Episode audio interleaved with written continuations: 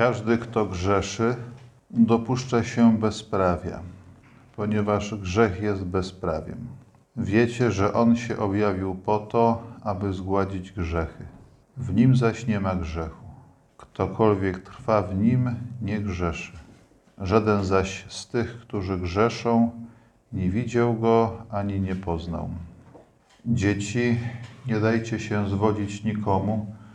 Ten, kto postępuje sprawiedliwie, jest sprawiedliwy, tak jak On jest sprawiedliwy. Kto grzeszy, jest dzieckiem diabła, ponieważ diabeł trwa w grzechu od początku. Syn Boży objawił się po to, aby zniszczyć dzieła diabła. Ktokolwiek zrodził się z Boga, nie grzeszy, gdyż trwa w nim nasienie Boże. Taki nie może grzeszyć, bo się narodził z Boga.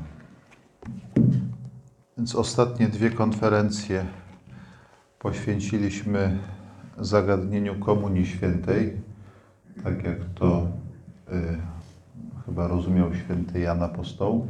Czyli mówiliśmy no, o tym zjednoczeniu z Panem Bogiem, które dokonuje się w sakramencie, no ale które też może mieć różne poziomy, bo w tej komunii z Bogiem można być bardziej albo mniej.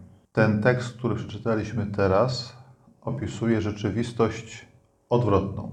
Czyli jak mówimy o komunii jako o zjednoczeniu z Panem Bogiem, tak teraz święty Jan opisuje grzech jako zaprzeczenie tej komunii.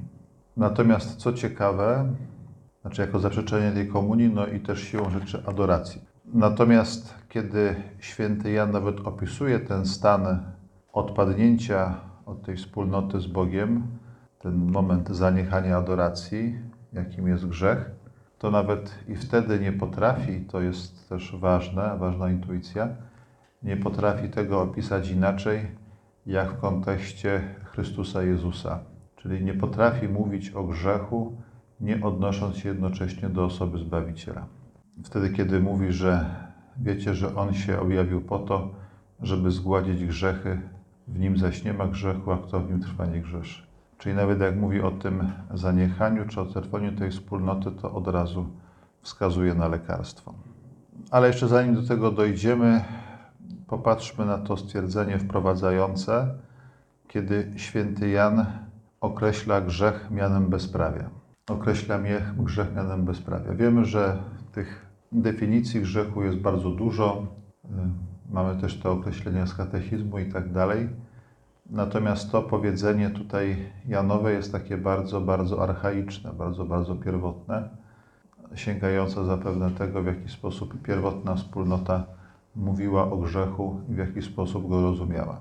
Ważne jest to określenie bezprawie. Nam się zaraz tutaj mogą uruchomić skojarzenia znowu z jakimiś przepisami, natomiast to określenie bezprawie jest odniesieniem do tego, co dla Żydów, dla Żyda było najwyższą normą, czyli prawo, Tora. Czyli grzech jest zaprzeczeniem Tory. Grzech jest zaprzeczeniem prawa, czyli tego przymierza, które Bóg zabrał z człowiekiem. Dalszy ciąg tekstu pokazuje nam, że u świętego Jana to miejsce prawa, to co u Żydów jest prawem, zastąpiła osoba Jezusa Chrystusa.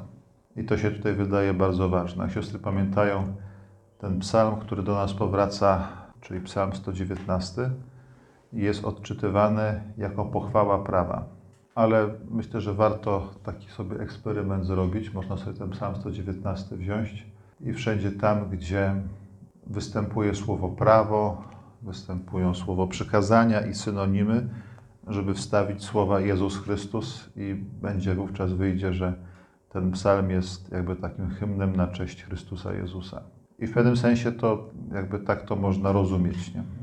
że czym dla Żydów jest Tora, pięcioksiąg, tym dla nas jest Chrystus Jezus. Mówiliśmy już o tym wcześniej, wtedy kiedy mm, zastanawialiśmy się, czym jest prawo. Była mowa o tym, że właśnie Tora opisuje te warunki spotkania z Panem Bogiem, w jaki sposób to się dzieje. To jest główny temat tych pierwszych pięciu ksiąg zachętą do tego, żeby to samo wydarzyło się w naszym życiu. I jak patrzymy na, na Chrystusa Jezusa, to to całe jego życie i całe jego nauczanie jest dokładnie na tym właśnie skupione, żeby doprowadzić wszystkich ludzi dobrej woli, którzy chcą stać się jego uczniami, do tego, żeby spotkali Ojca. Najpierw spotkali Syna, potem spotkali Ojca. A zatem dla świętego Jana grzech, czyli to bezprawie, byłoby tym, byłoby każdym wydarzeniem, każdym czynem, myślą, pragnieniem, które w ostatecznym rozrachunku uniemożliwiają spotkanie z Bogiem. Nie? Możemy czasami zastanawiać się nad grzechem i pamiętam, że często ludzie pytają, mówią, że ktoś coś zrobił, to pytanie, czy to, to już jest grzech, czy jeszcze nie. Jakby takie trochę dziwne pytanie, czy jak, jak daleko mogę pójść na cienki lód, nie? No ale po co w ogóle wchodzić na cienki lód, nie?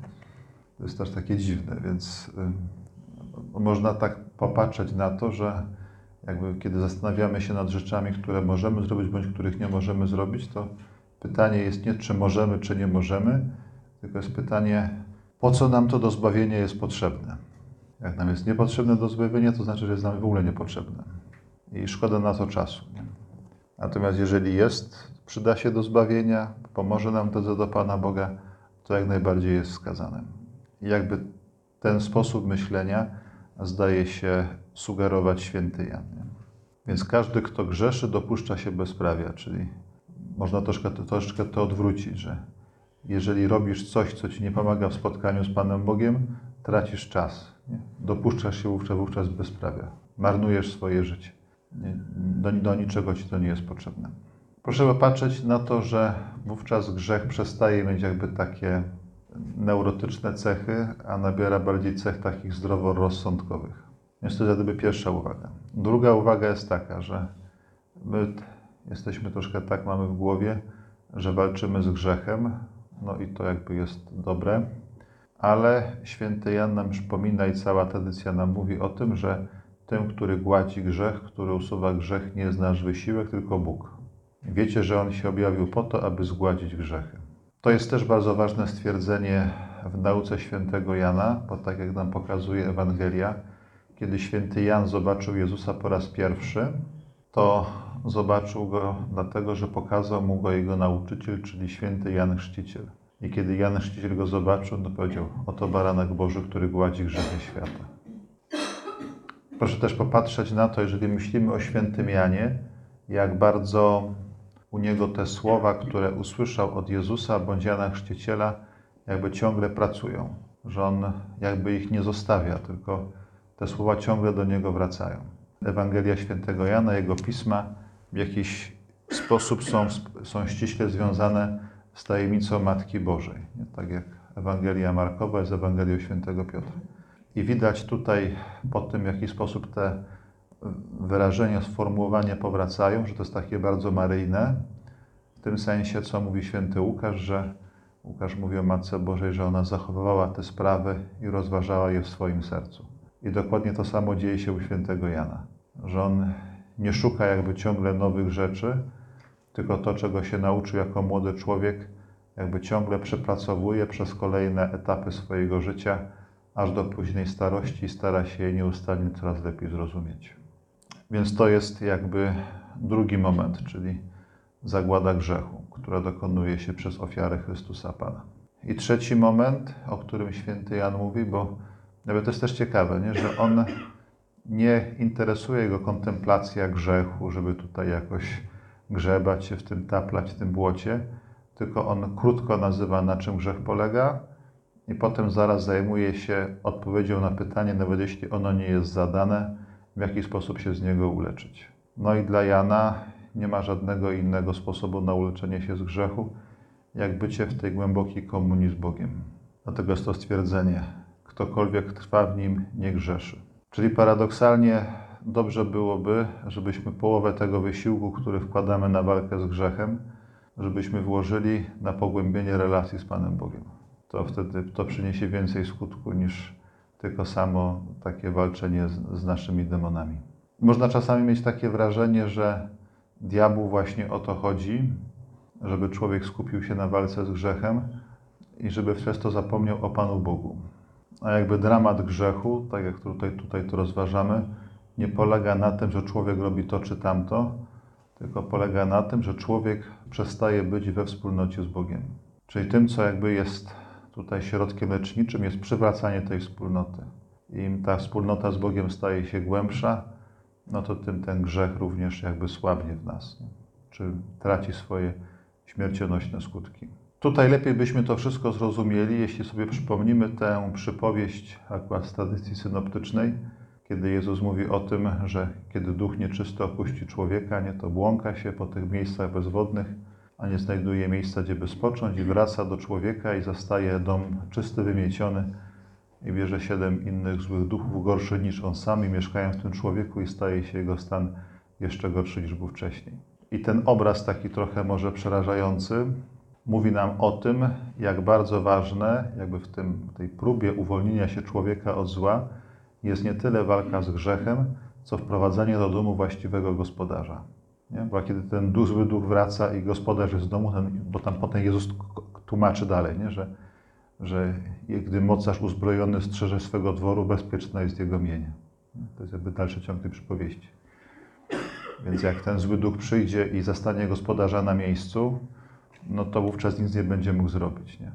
A można oczywiście chodzić dookoła domu i pilnować się, żeby przeganiać złego ducha z krzaku, żeby nie wrócił, no ale człowiek tam od diabła nie jest sprytniejszy. Natomiast jak Pan Bóg jest w domu, wszystkie sprawy są na swoim miejscu, to wówczas diabeł nic takiego nie wskóra. W tym wszystkim możemy, i taki jest też sens tej nauki Janowej, możemy czuć się troszeczkę przytłoczeni, że no, stajemy sam na sam z potęgą piekła, ale święty Jan nam przypomina, mówi nam, Syn Boży objawił się po to, aby zniszczyć dzieła diabła. Taki jest cel objawienia się Syna Bożego, czyli wziąć tą owcę zagubioną na ramiona i odnieść z powrotem do trzody.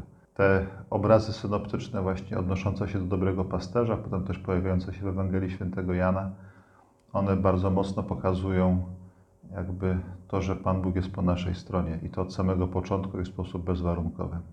Pomyślmy zatem o grzechu jako o tej rzeczywistości, która nie jest łamaniem jakiegoś abstrakcyjnego tabu.